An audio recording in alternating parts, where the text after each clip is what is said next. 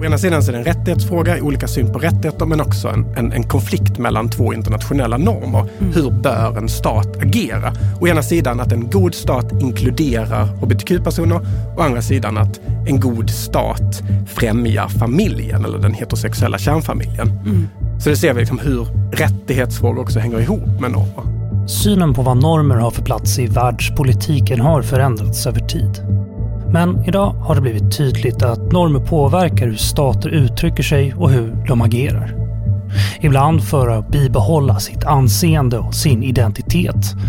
Ibland för att dölja sina avsikter hur man straffas eller så om man inte följer en norm, mm. så är det ju väldigt intressant i liksom internationella relationer överlag. Det är en liksom kärnproblemet i internationella relationer. Vi har ingen överstat så att säga. Så att därför så här, hur fungerar eh, internationella aktörer i förhållande till varandra om någon bryter mot en norm? Ja, hur fungerar allt det här? Det ska vi prata om nu.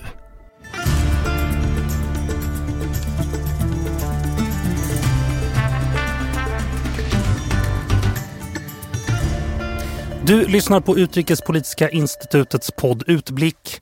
Jag heter Jonas Lövenberg. Och det här är första avsnittet i vår serie Inblick där vi pratar om de idéer och teorier som är byggstenarna för vår politik, internationella relationer och allt annat vi brukar diskutera här i podden. Och dagens ämne, vårt första ämne i serien Inblick, är internationella normer. För att förklara för oss vad det här är för något och vad det har för inverkan på världspolitiken så har jag med mig två gäster. Och båda har faktiskt varit med förut. Väldigt trevligt att ha er tillbaka. Elin Jakobsson, forskare i internationella relationer vid UIs program för global politik och säkerhet. Elin har forskat på normspridning och internationella normers framväxt i flera år, särskilt gällande normer på klimatområdet. Välkommen Elin! Tack, jättekul att vara här. Emil Edenborg också, statsvetare och genusforskare på Stockholms universitet och associerad forskare på UI. Han forskar om konflikter kring hbtq-personers rättigheter i internationell politik. Välkommen tillbaka du också Emil. Tack så mycket. De flesta är ju bekanta med vad som menas med en norm i dagligt tal. Det vill säga någon typ av regel för handlande eller tänkande eh, och som ofta är av social karaktär. En norm är oftast heller inte nedskriven men ändå något som alla känner till eller i alla fall måste förhålla sig till eller känna av. Eller känner av. Då. Och de flesta har nog en uppfattning om vad normen är på arbetsplatsen, i kvarteret eller i landet där man bor. Men hur påverkar normer internationella relationer och mer globala händelseförlopp egentligen? Så till att börja med, vad har normer för plats i internationell politik? Vad är egentligen internationella normer? Elin, kan inte du förklara det här? Jo, jo, men vi går ju direkt på lite kärnan här då, för det här ja. är ju lite en debatt inom det här området. Vad, vad, är egentligen en norm? Hur känner vi igen en norm när vi mm. ser den? Och det finns också ganska mycket olika uppfattningar om exakt hur man ska definiera en norm. Men det är viktigt att säga kanske att så som, som jag ser på normer från mitt fält liksom, och från eh, när man pratar om normer i internationell politik så är det just det här med att det har en social karaktär som du pratade om. För en jurist till exempel så är ju normer oftast mera formellt, liksom lagar, regler och sådär. Men det behöver inte vara eh, liksom i min tradition, eller man ska säga. Men eh, det kan ju vara absolut vara, alltså ha, vara formaliserat i en, i en lag eller en regel, ett internationellt avtal. Men, men det behöver inte vara det. Och på samma sätt så finns det ju eh, avtal och överenskommelser som är formella men som ändå inte liksom, uppfattas som en norm eller som faktiskt följs eller så. Så att det, det, de hänger ihop, absolut. Men en Inom IR, eh, internationella relationer, då, så, så brukar man säga att en, en norm det är en, en standard för beteende mm. för en viss grupp med en given identitet. Okay. Så att det finns ju lite olika aspekter där då som, som gör det här till en norm. Dels det här äh, värderande, att man pratar om vad det är som är, är rätt och fel. Att det finns ett element av, på engelska kallar man det för oughtness från mhm. engelskans, mm. eh, engelskans ord ought, alltså borde. Någon slags liksom uppfattning om vad, vad, man borde göra eh, som ska vara inbegripet i det här. Så då finns det alltså mm. liksom en, kan vi säga att det finns en moralisk aspekt av det? Nej? Det finns definitivt en moralisk aspekt. En komponent En komponent, precis. Ja. Och, men det ska också ha någonting med att göra, alltså själva agerandet, alltså själva beteendet att göra. Det kan inte bara vara en idé till exempel. Mm. De här begreppen hänger också ihop. Utan det ska, och det ska också vara så att det, det ska vara en, en grupp av aktörer eller individer som delar den här uppfattningen för att det ska, det ska vara en norm. Annars är det kanske snarare en idé eller, eller så.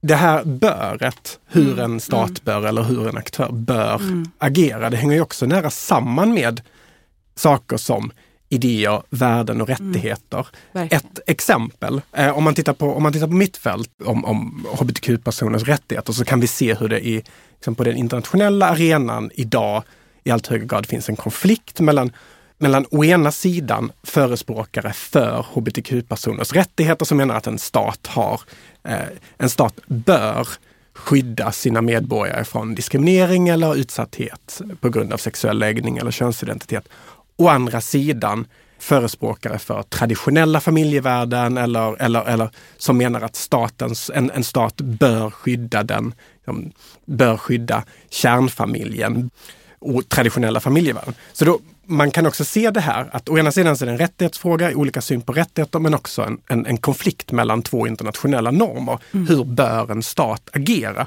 Å ena sidan att en god stat inkluderar hbtq-personer, å andra sidan att en god stat främjar familjen eller den heterosexuella kärnfamiljen. Mm. Så det ser vi liksom hur rättighetsfrågor också hänger ihop med normer. Ja, verkligen. Och hur det hänger ihop mycket med liksom identitet.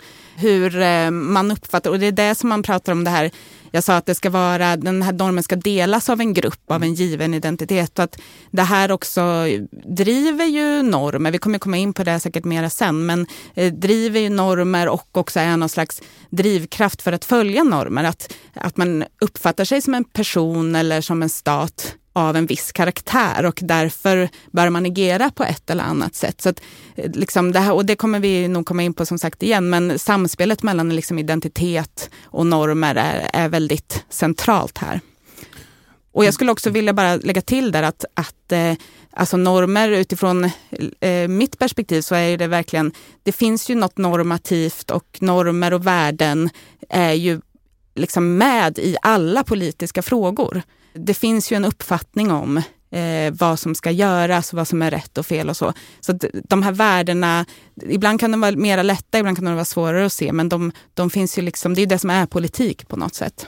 Men det är intressant att du säger det då, för min nästa fråga handlar om hur synen på normer som liksom faktor i internationella relationer har förändrats över tid. Har det alltid varit så att man har trott att normen är en faktor för, som påverkar internationella relationer? Vad, vad säger du?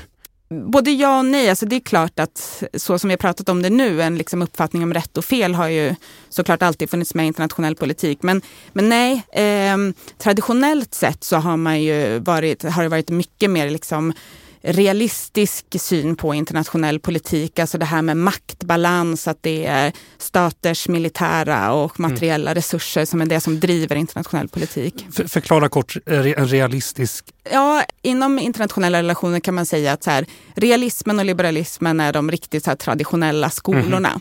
Eh, där eh, väldigt, väldigt kortfattat, realismen eh, tycker att internationell politik drivs av materiella militära intressen mm. och att det är liksom en maktbalans som avgör Just. hur internationella relationer ser ut. Medan det liberala synsättet ser mer på det här kollektiva säkerhetsbegreppet och att vi alla alla kan vinna så att säga. Mm. ja. Till skillnad från realismen där man, så att säga, om, om man får mer makt får någon annan mindre. Men jag som håller på mycket med normer forskar mycket utifrån ett socialkonstruktivistiskt perspektiv som är då kanske en tredje stor skola inom internationella relationer. Om man börjar då där så har ju liksom den realistiska och liberalistiska skolorna eh, varit väldigt starka inom, under väldigt long tid. Mm. Hela 1900-talet kan man väl säga. Eh, på olika sätt och i olika utsträckning. Men under sådär 70, 80, 90-talen så började det bli mer och mer tydligt att de här skolorna kan inte förklara alla skeenden i internationella politi eh, internationell politik. Eh, inte minst liksom slutet på kalla kriget och eh, mycket stora skeenden som hände under de här årtiondena. Och det, då började ju socialkonstruktivismen bli mer på frammarsch och komma med mer så här kompletterande och alternativa förklaringar. Utmana de eh, realistiska och liberalistiska skolorna eh, på deras antaganden om världen. Och det finns en väldigt känd artikel till exempel, eller en text av en som heter eh, John Gerard Ruggie som heter What makes the world hang together eh, som handlar just om det här socialkonstruktivistiska utmananden av de dominerade skolorna. Och att de missar, alltså har man bara till exempel en världsbild av internationell politik som utgår ifrån realismen så, eh, så, så missar man mycket av vad, alltså det här är liksom lite osynliga som faktiskt också spelar roll, till exempel normer. Men okej, okay, men om du bara kort också kan säga vad som är utmärkande för det socialkonstruktivistiska. Eh, ja, precis. Det kanske vore bra. Ja, det vore bra. Ja. Så vi har med alla delar här. De, den socialkonstruktivistiska skolan, den ser ju, dels tar den in mycket mera andra värd, icke-materiella värden som mm. till exempel eh, normer, idéer eh, och identitet och så vidare.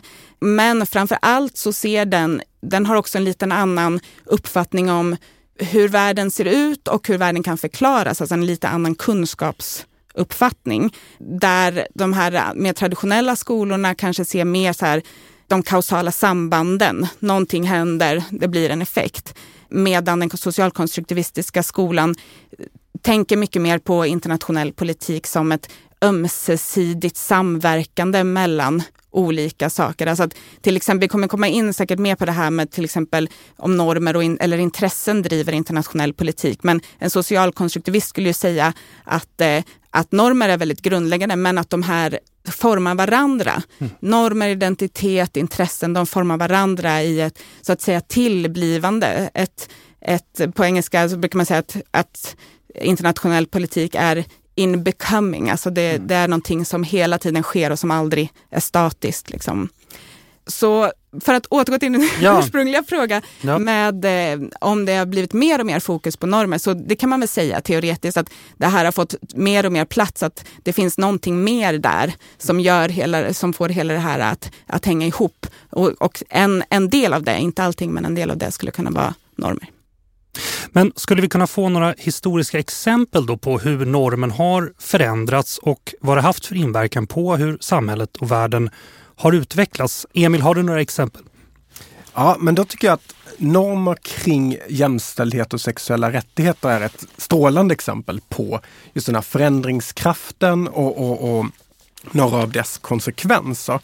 Om vi börjar med normer kring jämställdhet. Eh, statsvetaren Ann Towns har, har gjort en studie som handlar om den internationella normen om att stater ska inkludera kvinnor, alltså kvinnors in, deltagande i politiken. Och hon pekar på en, en rörelse över tid och menar att i början av 1900-talet så var den internationella normen för en, en, en god och civiliserad och liksom, eh, stat att exkludera kvinnor från politiken.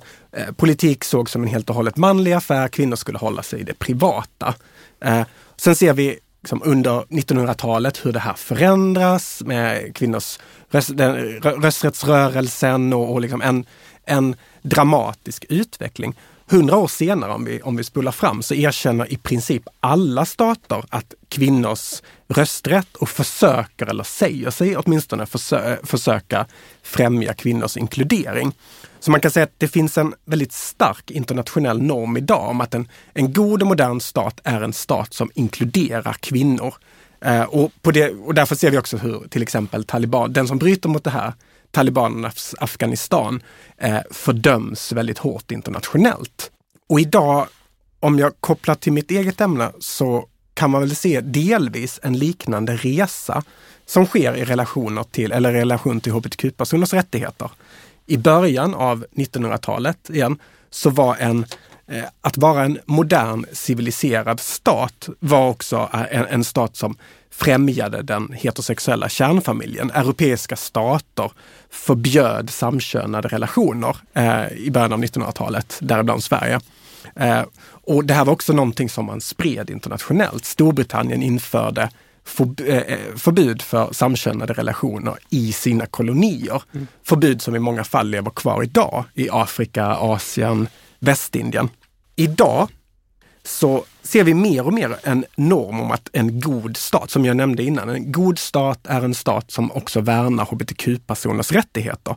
Även om den här normen är betydligt mer omstridd skulle jag säga än normen om, om, om, om kvinnors deltagande.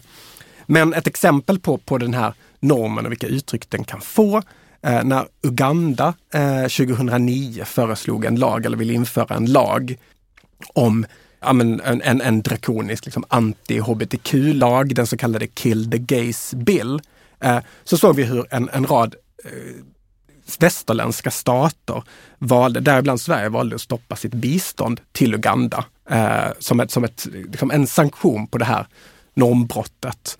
Eh, ett par år senare, 2011, så höll Hillary Clinton, dåvarande utrikesminister i USA, höll ett tal i FNs råd för mänskliga rättigheter där hon säger att gay rights are human rights and human rights are gay rights.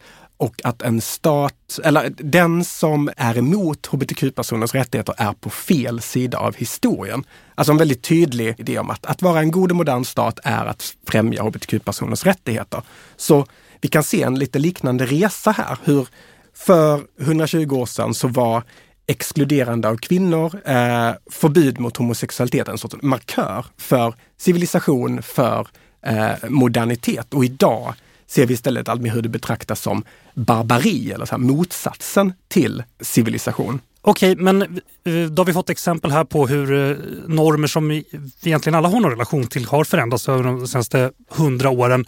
Men hur upprätthålls normer då och hur motarbetas normer? Ja, alltså man kan väl säga att här, en norm, en riktigt liksom lyckad norm ja. eh, är, är någonting som är så liksom etablerat att eh, man inte ens tänker på att det är en norm eller en standard. Alltså den ifrågasätts inte utan tas helt för given. Liksom. Och, eh, där finns ju mycket, alltså eh, mycket saker hur vi bara agerar i det dagliga livet som man, som man aldrig ens kanske tänker på bara för att liksom samhället ska fungera eller, eller sådär. Eh, och på det sättet upprätts de ju genom att personer fortsätter att följa dem. Eller och jag menar inom internationella relationer att stater bara fortsätter att agera på ett, på ett visst sätt. Liksom.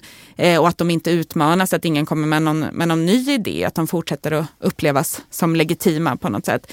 Eh, och sen så är det ju, det finns ju någonting, ett begrepp inom det här fältet som, som heter path dependence, stigberoende. Alltså att så länge man inte liksom utmanas i sitt beteende så fortsätter man ofta i samma hjulspår så att säga. Och det fungerar ju väldigt ofta så för normer också skulle jag säga. Eh, å andra sidan så, så är det så att normer och man, alltså många menar ju att normer är ingenting statiskt. Och det här är också någonting som har liksom förändrats över tid även inom så att säga eh, det akademiska studiet av normer. Alltså att man eh, för ett par decennier sedan såg normer som mycket mer så statiska. Det här är, normer om eh, normen om mänskliga rättigheter. Det här är normen om nedrustning av kärnkraft eller vad det kan vara. Medan man idag ser även normen i sig som mycket mer dynamisk och så under konstant förändring. Och jag menar, de tolkas, en norm tolkas och fylls med innehåll av den som använder den så att säga och på så sätt förändras den också hela tiden. Eh, så att å ena sidan, ja, den upprätthålls så länge ingen utmanar den. Å andra sidan, normer förändras hela tiden beroende lite på vilket liksom synsätt man ska ha. Men sen det här med eh, hur man straffas eller så om man inte följer en norm, mm. så är det ju väldigt intressant i liksom internationella relationer överlag. Det är en, så, liksom kärnproblemet i internationella relationer. Vi har ingen överstat så att säga. Eh, så att eh, därför så här, hur fungerar eh, internationella aktörer i förhållande till varandra. Om någon bryter mot en norm eller till och med en så väldigt formaliserad norm, ett lag, vad har man egentligen att ta till? Och oftast är det inte så jättemycket saker. Och då kommer man ju till det här med så här, Eh, Emil tog upp eh, Hillary Clintons tal där och så, alltså det här med att offentligt liksom skambelägga eh, aktörer, det här naming och shaming och så där, att det ändå finns en tanke om att de flesta stater eller flesta aktörer i det internationella samfundet vill uppfattas som legitima på något sätt eller som goda oavsett vilken liksom måttstock de har så att säga. Eller moderna som du pratade om Emil och sådär. Eh, så att jag tror att det snarare kanske oftast är på det sättet som man försöker straffa de som inte följer eh, den gängse normen eller så. Du frågade både, Jonas, både hur upprätthålls beivras mm. normer men också, hur, men också frågan om motstånd. Ja. Och, som, och som Elin säger så är ju frågan om eh, Alltså hur, att, att normer inte är statiska utan att de också förändras men att de också utmanas är någonting som mm. allt mer eh, betonas i litteraturen. Och inte minst tänker jag att det delvis hänger ihop med uppkomsten av högerpopulistiska regeringar som, och ja, men, Trump är väl ett väldigt bra exempel på no någon som liksom, eh, liksom utmanar många internationella normer. Vi ser många andra exempel på det. Eh, så är det inte alltid så att de liksom positionerar sig eh, explicit och säger att jag är emot säg, kvinnors rättigheter eller jag är emot en, en, en, en grönare industri. Mm. Utan ingen vill, vill eller det är vanligt att ingen vill framställa sig som att vara emot en norm utan man är istället för andra normer. Så ett vanligt mönster är att man föreslår då eller förespråkar alternativa normer. Så till exempel, jag, jag är inte emot, Putin säger, upprepar hela tiden att vi, vi är inte emot homosexuellas rättigheter. Däremot är vi för familjen, vi kämpar för familjen och vi kämpar för barnets rätt. Mm. Och det är ett mönster som man ser ofta, att man, man, man man, man förespråkar alternativa rättigheter. Och att hitta här ett gemensamt språk är centralt, både, både för den som vill förespråka normer och för den som vill utmana normer. Att, att en rad aktörer hittar ett gemensamt språk att förena sig kring. Och ett exempel på, på, på ett sånt eh, försök att hitta ett, ett, ett gemensamt språk är en, en deklaration som kom eh, i 2020 som, hette, som kallades The Geneva Consensus Declaration. Ej att förväxla med Genèvekonventionen. Det här är något helt annat. Eh, det här var en internationell överenskommelse som slöts mellan en rad stater, pådriven av Trump-administrationen. Och bland de andra eh, undertecknande staterna så fanns det stater som styrs av högerpopulistiska regeringar, Brasilien, Ungern, Polen.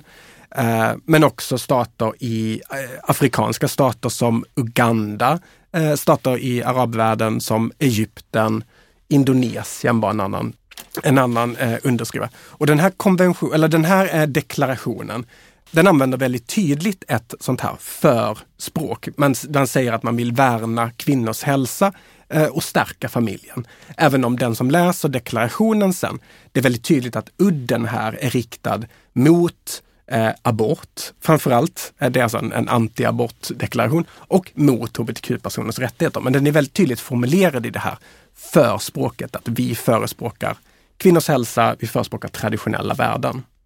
Så det är ett sätt att lyfta en, en annan norm då, eller? Ja, ja men precis. Jag måste också fråga här, vad, vad, vad förlorar man om man inte följer normen? Det kan ju vara en rad saker, men ofta handlar det om anseende, gemenskap, platsen i en, i, i en gemenskap. Och som Elin tog upp innan så är normer ofta nära kopplade till identitet. Så det handlar ganska mycket om så här, vilken sorts stat vill vi vara i världen? Men, men jag tänker så här, förlorar man sina handelspartner och sina säkerhetspartners och sånt där på, på att vara en, en tydlig normbrytare? Det kan ju vara så. Till exempel i det här exemplet som jag tog upp tidigare om Uganda. När Uganda eh, förlorar sitt internationella bistånd när, på grund av sin, sin, sin behandling av hbtq-personer. Det är ett väldigt tydligt exempel på en direkt materiell konsekvens. Och den i sin tur så är ju att, att den typen av konsekvens sker. Det handlar ju också om att Uganda är ett biståndsberoende land. Just. Ryssland har ju inte alls fått samma ekonomiska konsekvenser på grund av sin behandling av hbtq-personer eftersom Ryssland inte på samma sätt är beroende av, eh, av ekonomiskt bistånd. Och det är ju liksom en av de alltså, viktigaste poängerna för de som vill så här, säga att normer spelar roll i internationell politik. Att just att det här som Emil sa, att det här att man förlorar i anseende, legitimitet, då menar man att det spelar roll. om man inte tycker att det spelar någon roll, eh, då spelar heller inte normer så stor roll. Då behöver man inte följa liksom, eh, internationella normer eller så. Utan eh, en, en stor poäng för eh, socialkonstruktivister och framförallt de som håller på med normer och så, är just att så här, det är ett eh, intresse för stater i sig att vilja upp, att anses vara goda och så. Men eh, att där eh, skulle kanske en, en realist till exempel säga att det spelar ingen roll så länge de har typ de materiella resurser eller de, de kan vinna ett krig eller sådär. Så det beror lite på vilket synsätt man har. Men, men framförallt så är det att man förlorar kanske då i, i legitimitet och anseende. Och det kan ju också som du sa höra ihop med materiella saker som att man till exempel förlorar bistånd eller handelspartner eller så. Det kan ju ske. Mm. Men då undrar jag också hur sprids internationella normer? Ja, alltså om jag ska börja på den lite så teoretiska ja, delen av det här då, så finns det ju en, en hel del olika eh, försök att skapa modeller eller teorier kring hur det här sprids. Eh, som med alla sociala fenomen så är det ju ganska svårt att hitta en modell där all, som liksom passar för alla fall. Men man kan väl säga att man kan antingen se det som att det sprids så att säga top-down, alltså till exempel från att man bestämmer någonting i FN och så ska det spridas ner till alla eh, nationella eh, liksom, lagstiftningar och eh, hur man utför saker på, på nationell nivå. Det kan ju också vara eh, bottom-up, gräsrotsrörelser, alltså eh, liksom olika normer som sprids eh, upp till internationella systemet eller mera liksom, eh, eh vertikalt från land till land så att säga. Men eh, en viktig, en, ett viktigt koncept är det här som vi redan varit inne lite på med socialisering. Alltså en, det är ju en av de viktigaste mekanismerna för att sprida internationella normer. Man vill helt enkelt eh, alltså, typ till, till viss del genom övertalning men annars liksom genom att försöka få andra aktörer, andra stater att, eh, att man socialiseras in i samma tankesätt med att man, vill, att man vill sprida samma värdering, att man ska ha samma uppfattningar om världen och vad som är rätt och fel och sådär.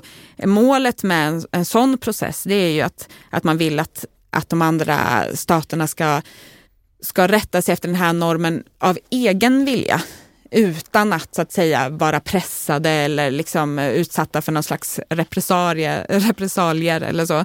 Eh, och jag menar, klimatfrågan är ju till exempel ett eh, exempel där eh, man verkligen försöker få alla stater att socialiseras in i samma uppfattning att vi eh, har samma mål att eh, liksom minska utsläppen, att hålla den globala uppvärmningen så låg som möjligt och så vidare. Och att man vill att, eh, att, att alla ska vara med på det här och ha samma värden och samma mål om vad som är rätt här.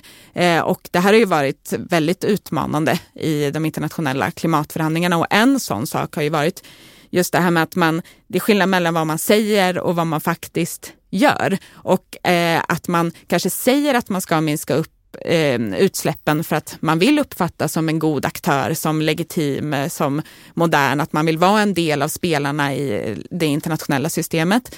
Men att man sen kanske inte gör så mycket åt saken på riktigt. Och då kan man ju fråga sig så här, är det, har det, den här normen verkligen tag, tagits upp då? Eller är det bara att ja, ett spel för gallerierna eller sådär. Men sen finns det ju till exempel en modell som heter Spiral Model, spiralmodellen. Mm.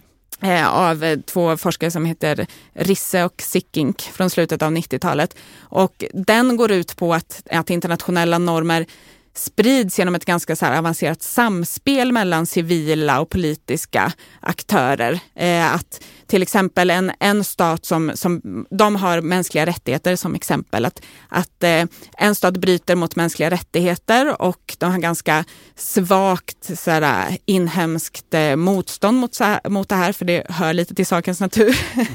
eh, men att när det här får uppmärksamhet i det internationella systemet och då börjar det hända saker, att man börjar få påtryckningar från internationellt håll, både från eh, civila aktörer, alltså transnationella nätverk av intresseorganisationer som trycker på den här staten, men även andra stater eh, som vill sprida sina normer om mänskliga rättigheter. Eh, och när det här trycket kommer, då kan även den inhemska oppositionen stärkas och bli starkare och då blir det tryck från flera håll på den här staten som först oftast då enligt den här modellen förnekar att de skulle bryta mot, i det här fallet mänskliga rättigheter. Men att i och med att de sen då utsätts för tryck att kanske skriva på internationella avtal, att, så att säga sig följa mänskliga rättigheter och så, att på sikt blir det att den inhemska politiska diskursen och policyn faktiskt börjar följa mänskliga rättigheter på så sätt att den här socialiseras liksom in även på nationell nivå. Att de blir normföljare på sikt så att säga genom att olika påtryckningar från olika håll. Ja, så, ni som inte ser det, Elina, hon sitter och gör en spiral i, i luften med handen här. Eh, som, ja, eh, vill du ta vid där, Emil? Ja, men jag, jag tycker en, um en illustration eller ytterligare en illustration på det här samspelet mellan mm. å ena mm. sidan statliga aktörer och civilsamhällesaktörer är om man tittar på EU och EUs eh, normativa makt. Mm. Statsvetaren Ian Manners kallade, skrev en artikel som handlade om som Normative Power Europe, alltså beskrev EU som en normsättande makt i världen. Och inom återigen inom, inom, in, inom mitt forskningsområde om hbtq-rättigheter så är den här normativa makten, eller har varit extremt tydlig, hur EU som eh, har satt som villkor för medlemskap eller association till EU, alltså närmande till EU, att mm. länder inför diskrimineringslagstiftningar med mera. Som då nämner sexuell läggning, könsidentitet. Alltså lagar mot diskriminering? Precis. Ja, ja förlåt. Ja, precis. Fortsätt. Ja. Så det var inte. Ja. ja. Och det här, alltså de, de har satt det som ett villkor, ett villkorande för ett närmande till EU. Och civilsamhällesrörelser eh, i presumtiva då medlemsstater eller stater som vill när, närma sig EU har kunnat använda det här trycket eller det här villkorandet på ett väldigt strategiskt sätt och säga att för att ja, men om vi vill närma oss EU, vilket ju of, det ofta har då funnits en vilja i de här samhällena, en ganska bred vilja att göra, så måste vi eh, också acceptera de här rättigheterna. Och på det sättet, och, och eh, de, de, nya medlemsstaterna i Öst och Centraleuropa som blev medlemmar i EU 2004 är ett bra exempel på den här processen. Eh, och Någonting som uppstod då var ju också att det blev en väldigt tydlig symbolisk koppling mellan EU eller Europa å ena sidan och hbtq-rättigheter å andra sidan. Alltså, det framställdes som en europeisk värdering. Vill vi vara europeiska ska vi ha den här mm. värderingen. Och det här användes som sagt väldigt strategiskt av de här aktivisterna. Myntet har också en baksida, har man, ser man idag om man tittar på utvecklingen i Polen, Ungern, den här liksom, geopolitiska kopplingen riskerar ju också att göra, i det här fallet hbtq-personer, till en sorts gisslan mm. i liksom, när den politiska utvecklingen går åt ett annat håll. Eh, så nu ser vi hur nationalistiska auktoritära krafter i Polen, Ungern menar att de har pådyvlats främmande värderingar från EU eh, och för att då värna eh, nationell suveränitet så slår man då ner mot hbtq-personer. Så i Ungern så har ju eh, lokala, lokala så kommuner och städer utropat så kallade hbtq-fria zoner. Eh, Ungern har förbjudit eh, information som förespråkar homosexualitet och gör då en direkt koppling till att det här är värderingar som har pådyvlats oss utifrån och det här blir ett sätt att liksom, försvara nationell suveränitet. Så där ser vi liksom ett, ja, en, en, en, eh, kanske oavsedd effekt där. Mm. Eh, och det finns ett, eh, ett teoretiskt begrepp som angränsar till det där. Kanske inte när det får den här oavsedda effekten, men när det så att säga lyckas. Och det kallas för bumerangeffekten.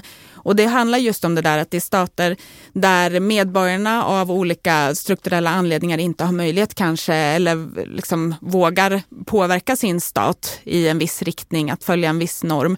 Eh, så i dagens globaliserade samhälle så har man ju faktiskt möjlighet att ha kontakt med eh, civila aktörer i andra länder. Eh, och en, ett sådant sätt att påverka den egna staten att eh, följa en norm, det är just det här att man att man genom kontakt med eh, utländska intresseorganisationer så att säga ber dem att trycka på staten utifrån för att de har en helt annan möjlighet. De riskerar inte alls samma saker. Det kan även vara så att, att man påverkar den egna regeringen att sätta press på eh, en stat för att ändra en norm. Det kan ju till exempel vara hbtq-rättigheter. Säga att att en, organisa- en civil organisation i Belarus eh, har kontakt med en svensk civil organisation för hbtq-rättigheter som påverkar den svenska staten och som i sin tur sätter tryck på Just. Belarus regering. Det finns en teoretisk modell för det också. Men eh, vi är ju inne på det här nu, men alltså, hur hänger då normer ihop med globala maktförhållanden och hierarkier? Ja, alltså här kommer vi tillbaka lite till det här eh, liksom förhållandet, bråket mellan socialkonstruktivismen och realismen och mm. liberalismen och så här. För att man har ju helt olika syn på hur det här hänger ihop. Alltså lite generellt sett så kan man väl säga att så här, mäktiga aktörer på den internationella arenan har såklart större förutsättningar att sprida sina normer. Eh, det, det tror jag de flesta skulle hålla med om så att säga.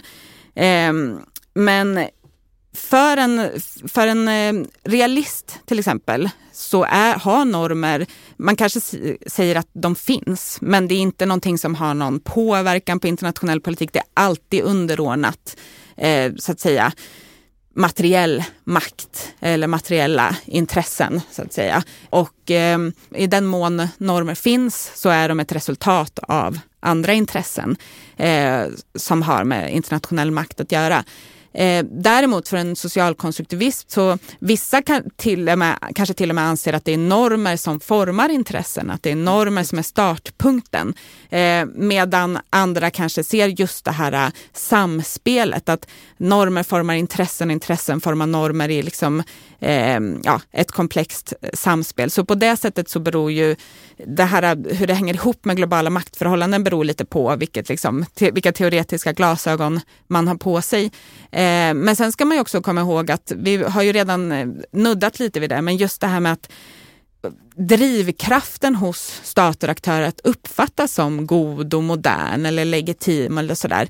Det kan också vara väldigt mäktigt. Och vi kan ju se som Sverige till exempel som är ändå så en relativt liten aktör på den globala arenan rent materiellt ändå vill, vill se sig som en så moralisk supermakt. Att eh, man vill, man är ju ute i många frågor med både mänskliga rättigheter, med humanitära frågor, migrationsfrågor, klimatfrågan. Att man vill, eh, det, man ser det som en stark del av ens, här, statens identitet att ligga i spets i de här frågorna. Man vill också sprida det till andra länder.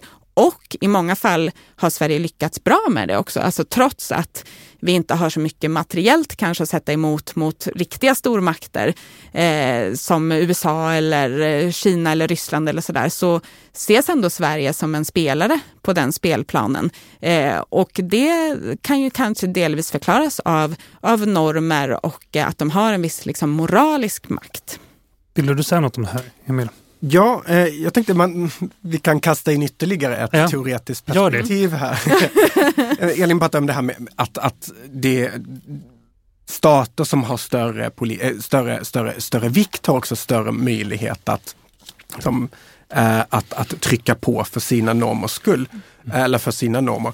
Ja, i, I början så tog jag upp det här exemplet om hur Storbritannien införde förbud mot eh, samkönade relationer i sina, i sina kolonier. Mm. Och det pekar ju på hur också normer och normspridning historiskt har varit intimt förknippat med kolonialismen, imperialismen. Mm. Eh, och om man tittar på en, en, en kritik idag från postkoloniala teoretiker. Och postkolonial teori är ju en väldigt bred teoriskola men som på olika sätt tittar på hur kolonialismen och imperialismen och dess efterverkningar, hur de lever kvar på olika sätt, både kulturellt, ekonomiskt, politiskt idag. Så en, en, en kritik från den här teoretiska skolan mot hur normspridning fungerar i internationell politik idag handlar ofta om hur obalans mellan det globala nord och det globala syd, alltså det som tidigare pratade om som utvecklings, eh, som i-länder och u-länder. Mm. Eh, och att normspridning handlar, utgår ofta från eh, det globala nord. Eh, stater i det globala nord eh, får själva eller ta på sig att själva så definiera och de får själva utgöra en modell. Ni ska bli som vi. Alltså på något sätt att sprida en samhällsmodell Eh, det här är extremt starkt i jämställdhets hbtq-frågor skulle jag säga. Att, att länder som, som, som har kommit långt i jämställdhetsfrågor vill då liksom hjälpa andra länder att komma upp till samma nivå. Eh, och även om man i grunden, som jag, är liksom, positiv till eh, Eh, att hbtq-rättigheter sprids eller att jämställdhet sprids, så tror jag ändå att det finns anledning att lyssna på en del av den här kritiken. Inte minst om, eh, eftersom jag tror att den är central om man vill förstå motståndet som finns i delar av det globala syd. Det blir väldigt lätt för eh, liksom den, den här koloniala historien eh, gör ju, och när sen Storbritannien säger att till sina forna kolonimak eller till sina forna koloni, koloniserade stater att ja, om ni inte respekterar de här minoritetsrättigheterna så kommer vi att skära biståndet till er. Så att det ekar av ett, liksom, kolonial, en, en kolonial berättelse som kommer att höras i de här länderna. Eh, och, och, och, det blev väldigt lätt för afrikanska ledare eller för ledare i Uganda till exempel att, att, hej, att säga att ja, men det här pådyvlandet av hbtq-rättigheterna, det är en ny sorts imperialism. Mm. Och då, alltså, sätt att komma ur det här är till exempel att bilda allianser mellan, eh, mellan stater i det, i det globala nord och globala syd. Inom hbtq-frågan så finns det i FN en så kallade, den kallar sig The Core Group. Det är alltså en, kärngrupp av stater som eh, vill liksom, gå i bräschen för hbtq-rättigheter. Och den har som princip att om en, ett land vill gå med så måste det alltid vara, om, om, om ett, ett, en, en stat från det globala nord vill gå med så måste man alltid ha en, en, en stat från det globala syd också gå med. Så att det på något sätt ska finnas en balans i den här mm. gruppen. Uh, och generellt så tänker jag att, att normspridning, uh, att det är viktigt att, att med en sorts ödmjukhet, alltså att det inte utgår från att vi har uppfunnit hjulet, eh, ni, kan, ni kan applicera det här på exakt samma sätt i er kontext, utan att snarare att det kan handla om att här, stödja lokala krafter, stödja lokala aktivister att, att genomföra det här eh, på ett sätt som de själva eh, liksom, har inflytande över och får definiera.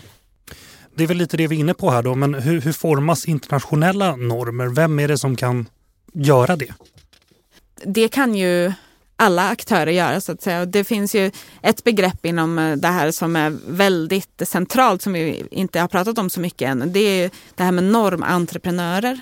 Mm. Eh, och eh, det kan ju vara, det kan vara intressegrupper, alltså rena så här lobbyverksamhet eller Ehm, eller så. Men det kan också vara stater eller organisationer eller så här, som, försöker, som försöker driva en, ett nytt normförslag helt enkelt framåt och försöker få andra att, att hoppa på tåget. Och eh, alltså det finns ju lite olika också då teoretiska modeller om hur liksom normer blir en norm, alltså går från så ett förslag till en, en norm. Liksom. Och en av de allra mest klassiska modellerna kallas för The Norm Life Cycle eh, av Martha Finnemore och Catherine Sickink i en artikel från slutet av 90-talet, 98, eh, som är en riktig så klassiker på området. Eh, och de delar upp en, en norms eh, födelse eller tillblivelse i liksom tre stycken stadier. Där det första är eh, norm emergence, alltså normens eh, början eller födelse.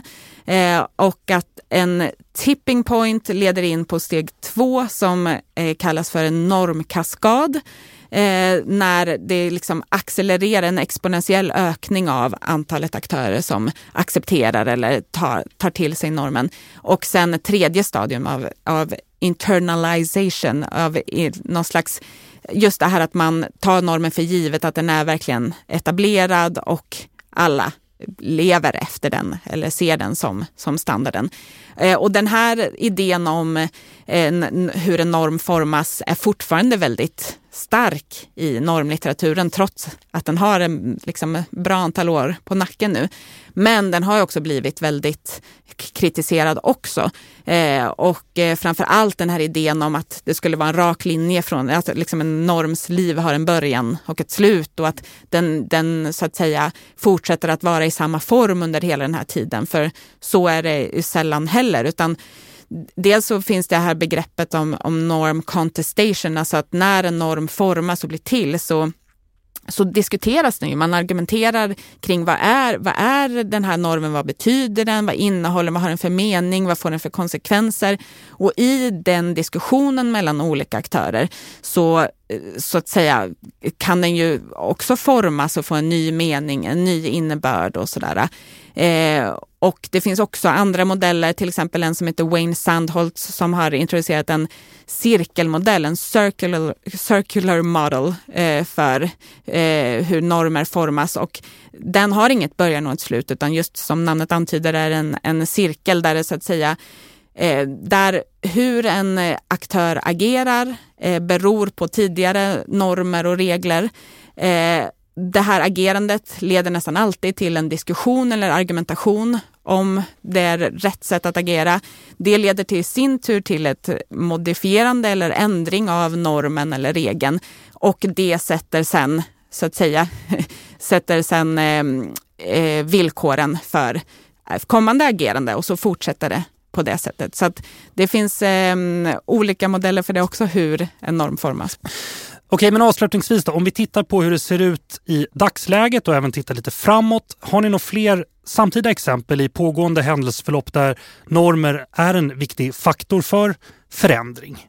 Emil, har du några exempel? Mm, en pågående diskussion uh, är uh, som jag tycker illustrerar väl många av de sakerna som vi har varit inne på är frågan om den svenska sexköpslagen som infördes mm. 1999 som ju kriminaliserar den som köper sex, eh, inte den som säljer sex. Och Sverige har fört och fortsätter föra en ganska aktiv kampanj för att sprida den här lagen internationellt och har gjort det rätt framgångsrikt. Man har exporterat liknande lagar till Kanada, Irland, Frankrike. Nu diskuteras införandet av en sån lag i Spanien. Det är också någonting som är väldigt, väldigt kontroversiellt. Då ser vi det här med norm contestation, att en rad internationella organisationer, eh, Amnesty, Human Rights Watch, men också FN-organ som eh, WHO och UNAIDS är väldigt kritiska mot den här lagen och menar att det riskerar att förvärra situationen för redan utsatta grupper. Så vi ser en sån här, liksom, en pågående process och en pågående konflikt kring denna normen. Har du några Exempel? Eh, nej men eh, vi har inte pratat så jättemycket om typ klimatfrågan och så. Och det är ju verkligen, det är ju helt eh, sprängfyllt av normer, ska ja. jag säga, det området. Och eh, försök till normspridning och det här med identitet och legitimitet och sådär.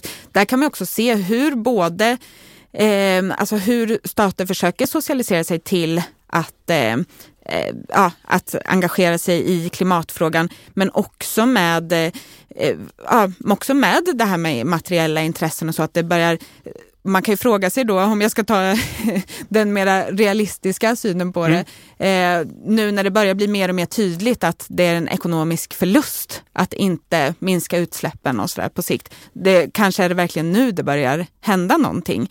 Eh, samtidigt kan vi se jättemycket det här med eh, hur normer driver förändring här. Att trots att det är kanske de stater som är minst mäktiga på den internationella arenan som blir, riskerar att bli mest utsatta av klimatförändringarna eh, så är ändå det här en fråga som, som drivs framåt. Och vi har ju sett exempel i klimatförändringarna på till exempel sådana riktigt små östater som Maldiverna, Kiribati, Tuvalu eh, som egentligen inte är starka eller mäktiga aktörer men där man, där man liksom pratar om, där argumentet är att vi överlever inte eh, om vi inte hindrar den globala uppvärmningen. Och för riktigt mäktiga stater att sitta på andra sidan förhandlingsbordet och behöva se dem här i ögonen och säga att så här, det skiter vi i. Mm. eh, det är självklart svårt och där kan vi ju ändå se hur, hur normer spelar en tydlig roll. Och inte minst i så stora aktörer, säg Kina till exempel, som nu ser en chans att öka på sin internationella status och legitimitet genom att försöka få, liksom, sprida bilden av sig själv som en förkämpe för klimatet.